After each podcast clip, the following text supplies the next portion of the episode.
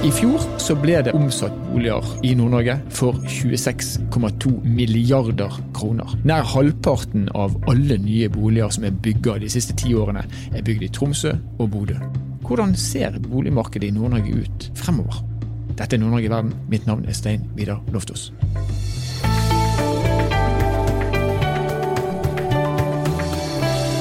Om litt skal vi til Rana kommune, hvor industrietableringer fører til et behov for å bygge rundt 2000 nye boenheter i løpet av de neste fem årene. Det er fryktelig mye mer enn de har vært vant til å bygge. Men først, det er store forskjeller i boligmarkedet i Nord-Norge både mellom byene og distriktene og mellom ulike regioner i landsdelen. I ni kommuner i Nord-Norge er det bygd færre enn ti boliger de siste ti årene. Samtidig skjer det store utbygginger av hele bydeler i Bodø og Tromsø. Dette er bare noe av det du kan lese om i årets utgave av Boligrapporten for Nord-Norge, som nå er publisert på Kunnskapsbanken, kbnn.no. Og En av eh, forfatterne bak rapporten er seniorrådgiver Marit Kristine Kvarum ved KPB i Bodø, og nå er hun med oss her på Nord-Norge i verden. Hjertelig velkommen til oss, Marit. Tusen takk. Du, Boligmarkedet i Nord-Norge, spennende lesning. Eh, hva endringer er det vi ser i boligmarkedet i Nord-Norge i dag? Den største endringen den kommer jo i forhold til hva slags type bygg som bygges. Eh, fortsatt er det jo sånn at de aller fleste av oss bor i eneboliger. Rundt 70 eh, av oss gjør det også i dag. Men siden 2015 så har andelen leilighetsbygg økt veldig mye i landsdelen. For ti år siden så utgjorde leilighetsbygg ca. 35% av alle nybygg, mens i dag så utgjør de rundt halvparten av alle nye bygg som bygges. Hva, hva er årsaken til det? Bakgrunnen er jo at eh, flere og flere flytter jo inn til de større byene i landsdelen. Og det gjør jo at det blir en fortetting. Altså det er, har noe med areal å gjøre. Det finnes ikke noe areal til å bygge eneboliger overalt. Og det bygges eh, leilighet. I samme periode har vi også sett at boarealet til boligene har gått ned mye de siste årene. Og det har selvfølgelig sammenheng med at flere leiligheter bygges, og de bygges i de større byene i landsdelen. Akkurat. Men i rapporten her så peker dere også på at det er store forskjeller i utviklingen, hvis man ser på store kontra mellomstore og små kommuner. Hva er det som er de tydeligste trendene, i tillegg til det som du allerede har vært innom? Nei, det tydeligste trenden er jo hvor er det det faktisk bygges. Over halvparten av alle nybygg som bygges, bygges i eh, Bodø og Tromsø, så har Alta en ganske stor vekst. Men så er det sånn at det er noen kommuner der det ikke bygges i det hele tatt. Totalt sett er det ni kommuner i landsdelen som har hatt eh, færre enn ti boligbygg de siste ti årene. Men det, Dette her er litt sånn spesielt, for jeg beit meg merke i at det var vel tre kommuner som ikke har bygd en eneste ny bolig de siste ti årene. Eh, og så er vi, eh, og Det er mulig at jeg, at jeg nå stiller spørsmål som, eh, som, du vil slite med å svare på, men vi snakker jo om en eh, fraflytning fra de sentrale strøkene. Hva er, hva er, rekkefølgen her? Er det slik at man flytter fordi det ikke er boliger tilgjengelig, eller er det slik at man ikke bygger boliger fordi at folk flytter, hvis du skjønner? Ja, altså i de kommunene der det ikke bygges noe særlig i det hele tatt, så er det faktisk flere eh, boliger enn en det folk som bor, eller husholdninger. Akkurat. Sånn at eh, det er jo det at man bygger ikke fordi at man forventer en nedgang, og det er heller ikke etterspørsel i markedet. Så sånn sett så er jo dette med boligbygging en, en indikator på vekst og utvikling mm. i en region. Og Så bygger man som privatperson, utbyggere bygger. Og så har vi boligbyggelagene. Hva rolle spiller boligbyggelagene hvis vi ser eh, Nord-Norge i dag? Hvis vi ser historisk sett først, så er det jo sånn at boligbyggelagene har jo stått for en veldig stor andel av boligbyggingen etter andre verdenskrig. Og i dag så har de fortsatt en stor rolle. Mange er medlem av eh, boligbyggelagene. Faktisk én av fem nordmenn er det eh, per i dag òg. Og boligbyggelagene mener at Bl.a. dette med at eh, folk har eh, forkjøpsrett spiller inn her. Eh, de mener at det at de kan gå inn mye lettere enn andre boligutviklere på f.eks. modeller som leie til eie, i tillegg til at de både bygger og forvalter boliger, gjør at de kan tenke mer langsiktig. Og så er det ikke til å komme forbi at det er en trygghet det at de tar seg av vedlikeholdskostnadene for det er mange som ikke har råd til å ta en ekstra kostnad hvis noe skjærer seg igjen eh, i forhold til vedlikehold. F.eks. at Eh, at du får en taklekkasje osv. som er en enorm kostnad, men som da boligbyggelagene tar ansvaret for, i og med at de har ansvaret for vedlikeholdskostnadene. Eh, og det siste poenget er jo det som meglerne trekker frem, de vi har snakket med, som viktig med boligbyggelagene. Boligbyggelagene de har vært der, du sier det, de har, vært, de har, spilt en viktig rolle siden andre verdenskrig. og Så har de kanskje ikke vært så fremtredende eh, de, de senere årene. Nå er vi i en situasjon der spesielt i sentrale strøk så er det mange unge som sliter med å komme seg inn på boligmarkedet. og Du sier at boligbyggelagene kan da eh, være med på modeller som fra leie til å eie. Ser vi en, eh, si, en ny stor vår for, for denne formen for boligutvikling? Det er det jeg får informasjon om, i hvert fall, det er jo at det har blitt veldig populært. Altså det, det, er jo allerede i støpeskjeen i de fleste boligbyggelagene i Nord-Norge. Det er jo en modell som har vært eh, tatt i bruk av Obos i Oslo over eh, i en tid. Men vi ser også at den kommer til eh, Nord-Norge. Og de som har lagt ut boliger de har eh, altså opplevd veldig stor interesse rundt det. Fordi at det er mange som har betjeningsevne til å nedbetale lån, men de har ikke nok egenkapital til å skaffe seg e bolig. Og det er jo de disse modellene er mynta på. Og det er særlig førstegangskjøpere, men også enslige, som har god nok økonomi, men ikke greier det egenkapitalkravet. Det er boliglånsforskriften som spiller inn, og da er det godt at det kommer løsninger som kan gjøre det mulig for eh, både single husholdninger og for unge mennesker å komme seg inn i markedet. Det skal vi være glad for. Men nå har du sett på boligmarkedet og utviklingen eh, i boligmarkedet i Nord-Norge i et ganske historisk perspektiv, og du har et tydelig bilde av hvordan det ser ut i dag. Hvis du skal se inn i spåkulen, da, hvordan vil boligmarkedet endre seg i årene som kommer, tror du? Ja, Det er jo alltid vanskelig å si, men det vi ser er jo at utviklingen går jo i retning at folk flytter til byene, og at det bygges mer leiligheter enn det ble gjort tidligere. Og eh, det er spesielt to grupper som velger å bo, som, som velger å bo i leiligheter, som, der det er en større andel som bor i leiligheter enn for de andre aldersgruppene, og det er jo de mellom 20 og 29 år, og de som er over 67 år. Mm. Eh, og de har jo ulike målgrupper i leilighetssegmentet. Men så har du også det at befolkningen blir stadig eldre. Og det innebærer jo at når vi har så stor konsentrasjon av eneboliger som vi har, spesielt i distriktene, så jo dette, blir jo dette vanskelig. Sånn at det hviler jo et, en voldsom oppgave for kommunene å sørge for at alle de som bor i enebolig i dag, som skal bli gamle der, enten får tilrettelagt på ulikt vis, sånn at de fortsatt kan bo i eneboligene sine, eller så må de jo også skaffe, eller både og, så må de skaffe sykehjem eller omsorgsboliger for, for eldre mennesker. Eh, det er jo en sammenheng mellom jo mindre sentral kommunene er, jo eldre er befolkningen, og jo flere eneboliger er det. Og dette er en stor eh, utfordring i mange distriktskommuner i dag. Kan man se for seg at de eldre som da bor i eneboliger i distriktene, der det ikke bygges leiligheter, at de også vil på en måte bli en del av sentraliseringsstrømmen, rett og slett fordi at det ikke tilrettelegges for dem? Utfordringen for dem er jo at ikke de ikke har e- nok egenkapital til å komme inn på boligmarkedet i de mer sentrale byene veldig ofte. Og det skaper jo en stor utfordring. Eh, men det er jo flere aktører som er inne i bildet, som ser bl.a. Husbanken, som ser på, på, muligheter for å bygge boliger som er tilpassa til folk som ønsker å fortsatt bo der de alltid har bodd, og som trenger å få tilrettelagte tilbud, sånn at de fortsatt kan bo der. Tusen takk for at du kunne være med oss, Marit Kristin Kvarum, som er seniorrådgiver ved KPB i Bodø. Takk sjøl.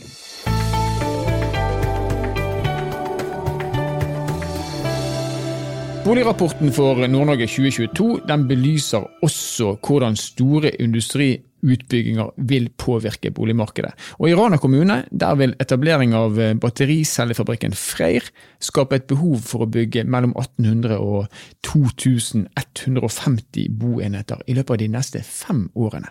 Og Nå har vi med oss eh, Jan Erik Furunes, han er kommunaldirektør for tekniske tjenester i Rana kommune. Og Hjertelig velkommen til Nord-Norge i verden, Jan Erik. Takk. Dere jobber nå selvfølgelig for å tilrettelegge for alt det som skal skje på Mo. Kan du fortelle oss litt om hva dere gjør for å tilrettelegge for en så stor eh, boligutbygging som det dere kommer til å ha behov for? Ja, Kommunen er jo først og fremst utfordra som eh, planmyndighet. Det betyr at vi må ha tilstrekkelig kapasitet for å ta unna både byggesaker og eh, nye reguleringsplaner med tanke på boligbygging.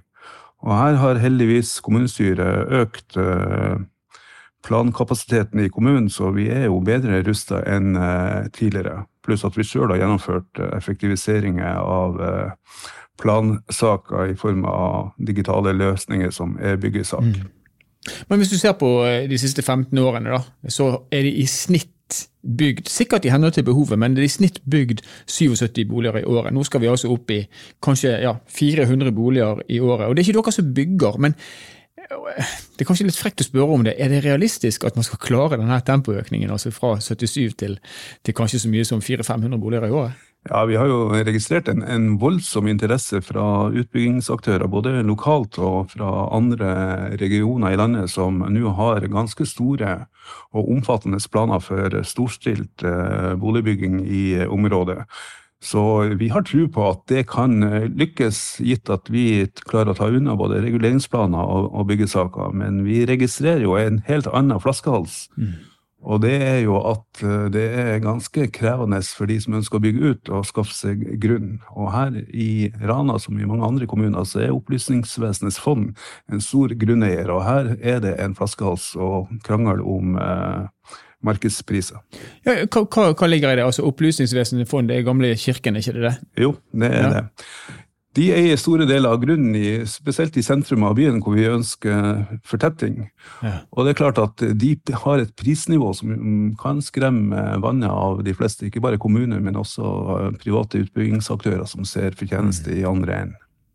Ja, det her, og det, du pirker i noe. Man har kanskje litt sånn forenkla syn på det, hvor lett det er å bygge, eller hva som må til for å bygge, men det er mange som må spille på lag. Og, og det, jeg tolker det dit enn at dette ikke nødvendigvis er lett å få til. Men et annet usikkerhetsmoment er jo det man ser eh, sagt gjentatte ganger når det gjelder store industriprosjekter. Altså Det ene det er tempoet, skaleringen. altså Hvor fort kommer arbeidsplassen opp? Hvor fort kommer mm. menneskene inn? Vil de flytte, eller vil de pendle, osv.? Vi kan sammenligne med det som skjedde i Hammerfest eh, når Equinor begynte på Melkøya-prosjektet i 2007. Eh, men hvem sitt, hvem sitt ansvar er det, da? Er det Rana kommune som har et ansvar for å sikre at det bygges nok og riktige boliger i riktig tempo, eller er det utbyggerne, eller er det disse her store industriaktørene som da kommer inn og har et reelt behov for plass til folk? Ja, Det er et ganske interessant spørsmål. En spissformulering fra kommunen er jo at dette handler om et boligmarked med strek under marked. Så det er først og fremst private aktører som må løse problematikken. For det er jo forskjellige boligbehov eh, som skal kunne løses, både eide og leide. Mm leiligheter. Men uh, vi har jo allikevel som kommune iverksatt et samarbeidsprosjekt mellom uh, de nye industriaktørene og aktuelle utbyggingsaktører og få de sammen i en dialog sammen med kommunen for å se på hva er det reelle behovet. Hva bør bygges ut av eide og leide, leide leiligheter og størrelse på uh, leiligheter osv. osv. Og Nå har jo Freyr begynt sitt, eh, sitt, arbeid, og jeg vet at det er ansatt mennesker allerede. Hvordan bevegelse ser dere nå i, i markedet i, i byen? Er det, er det, nok boliger per i dag, eller er dere allerede i en situasjon der det er en høyere etterspørsel enn tilgang? Ja, Det er en voldsom eh, ubalanse både når det gjelder tilgang på uh, boliger, og spesielt det byen ikke har hatt tradisjon for, nemlig leiligheter til de som kanskje ønsker å å jobbe og bo i byen kanskje et par års tid, eller se tida an om det er grunnlag for å slå permanent rot. Så prisveksten har jo vært formidabel eh, den siste tida, og det er lite tilgang på boliger i dag. Så prisen går opp, og det gjør den eh, naturligvis alltid når etterspørselen er høyere enn tilgangen. Men hvis du ser litt eh, inn i fremtiden, hvordan vil boligmarkedet i Mo preges av det som, det som nå skal skje? Altså Man skal bygge 2000 nye. Kommer det til å gjøre noe med, med boligprisene? Foreløpig så stiger de. Vil, vil man se en, en utflating eller en, en, en synkende trend etter hvert, eller? Det er vanskelig å si noe om det på dette tidspunktet. Det ser ut som at uh, boligutbygginga vil uh, henge etter uh, etterspørselen, men det er jo selvsagt ønskelig med en stabil og kontrollerbar prisvekst, sånn at vi ikke får en situasjon som vi opplever våre naboer har, f.eks. Bodø, som har fått et prisnivå hvor folk skremmes ut av, av byen. Mm. Det håper jeg ikke kommer til å skje her, og jeg tror heller ikke at boligbygginga vil ta et omfang at eh, prisene heller kommer til å, å stupe. Mm. Men dette vil selvfølgelig også være med på å prege hvor lett eller hvor vanskelig det vil være for aktører som Freyr å tiltrekke seg arbeidskraft. Men hvis du, nå vet du hva, si, hva oppdraget er. Det skal bygges en rekke nye boliger, og man må gjøre dette her i en, i en riktig takt for at man skal eh, oppnå det som jeg vet at Rana kommune har ambisjoner om, nemlig å, å vokse betydelig. Hva, hva, er den største utfordringen sett ifra, ifra ditt ståsted for å lykkes med, med, med det som nå skal skje? Ja, det er faktisk ikke eh, boligbygginga som eh, volder oss eh, størst bekymring. Det er transport og trafikkavviklinga i en relativt kompakt by og hvor vi allerede nå ser at vi kommer til å få store trafikale utfordringer med altfor mange biler på, eh, på veien enn det, det her veisystemet har kapasitet til. Det gjelder både statlige, fylkeskommunale og kommunale veier. Og Vi har jo bedt staten om å få en konsekvensutredning av situasjonen for å finne nye løsninger. Det har da Samferdselsdepartementet avslått. Og vi sitter da i kattepine hvor vi ser at uh, med fortetting av byen, med nye uh, boligkvarter, både i selve byen og i bydelene, så står vi overfor en voldsom trafikal utfordring som vi aldri har sett sidestykke til tidligere. Ja. Alt henger sammen med alt, og det ene påvirker det andre. Yep. Eh, helt, helt, til slutt, Jan Erik. Eh, du nevner Opplysningsvesenets fond, og vi skal ikke på noen måte henge ut noen her, men eh, når man har behov for areal, enten det er til fortetning eller til utvidelse, er det aktuelt for Rana kommune på noe tidspunkt å gå til ekspropriering av, av areal for å, for å, klare å levere det som vil være da behovet for, for nye boenheter?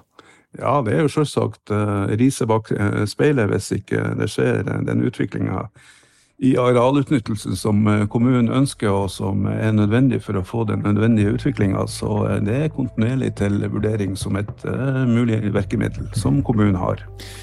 Et soleklart signal der, både til eh, de som eh, eier land og til eh, samferdselsmyndighetene. Her må vi få ting til å spille på lag. Tusen takk for at du kunne være med oss, Jan Erik Furunes, kommunaldirektør for tekniske tjenester i Rana kommune. Takk sjøl.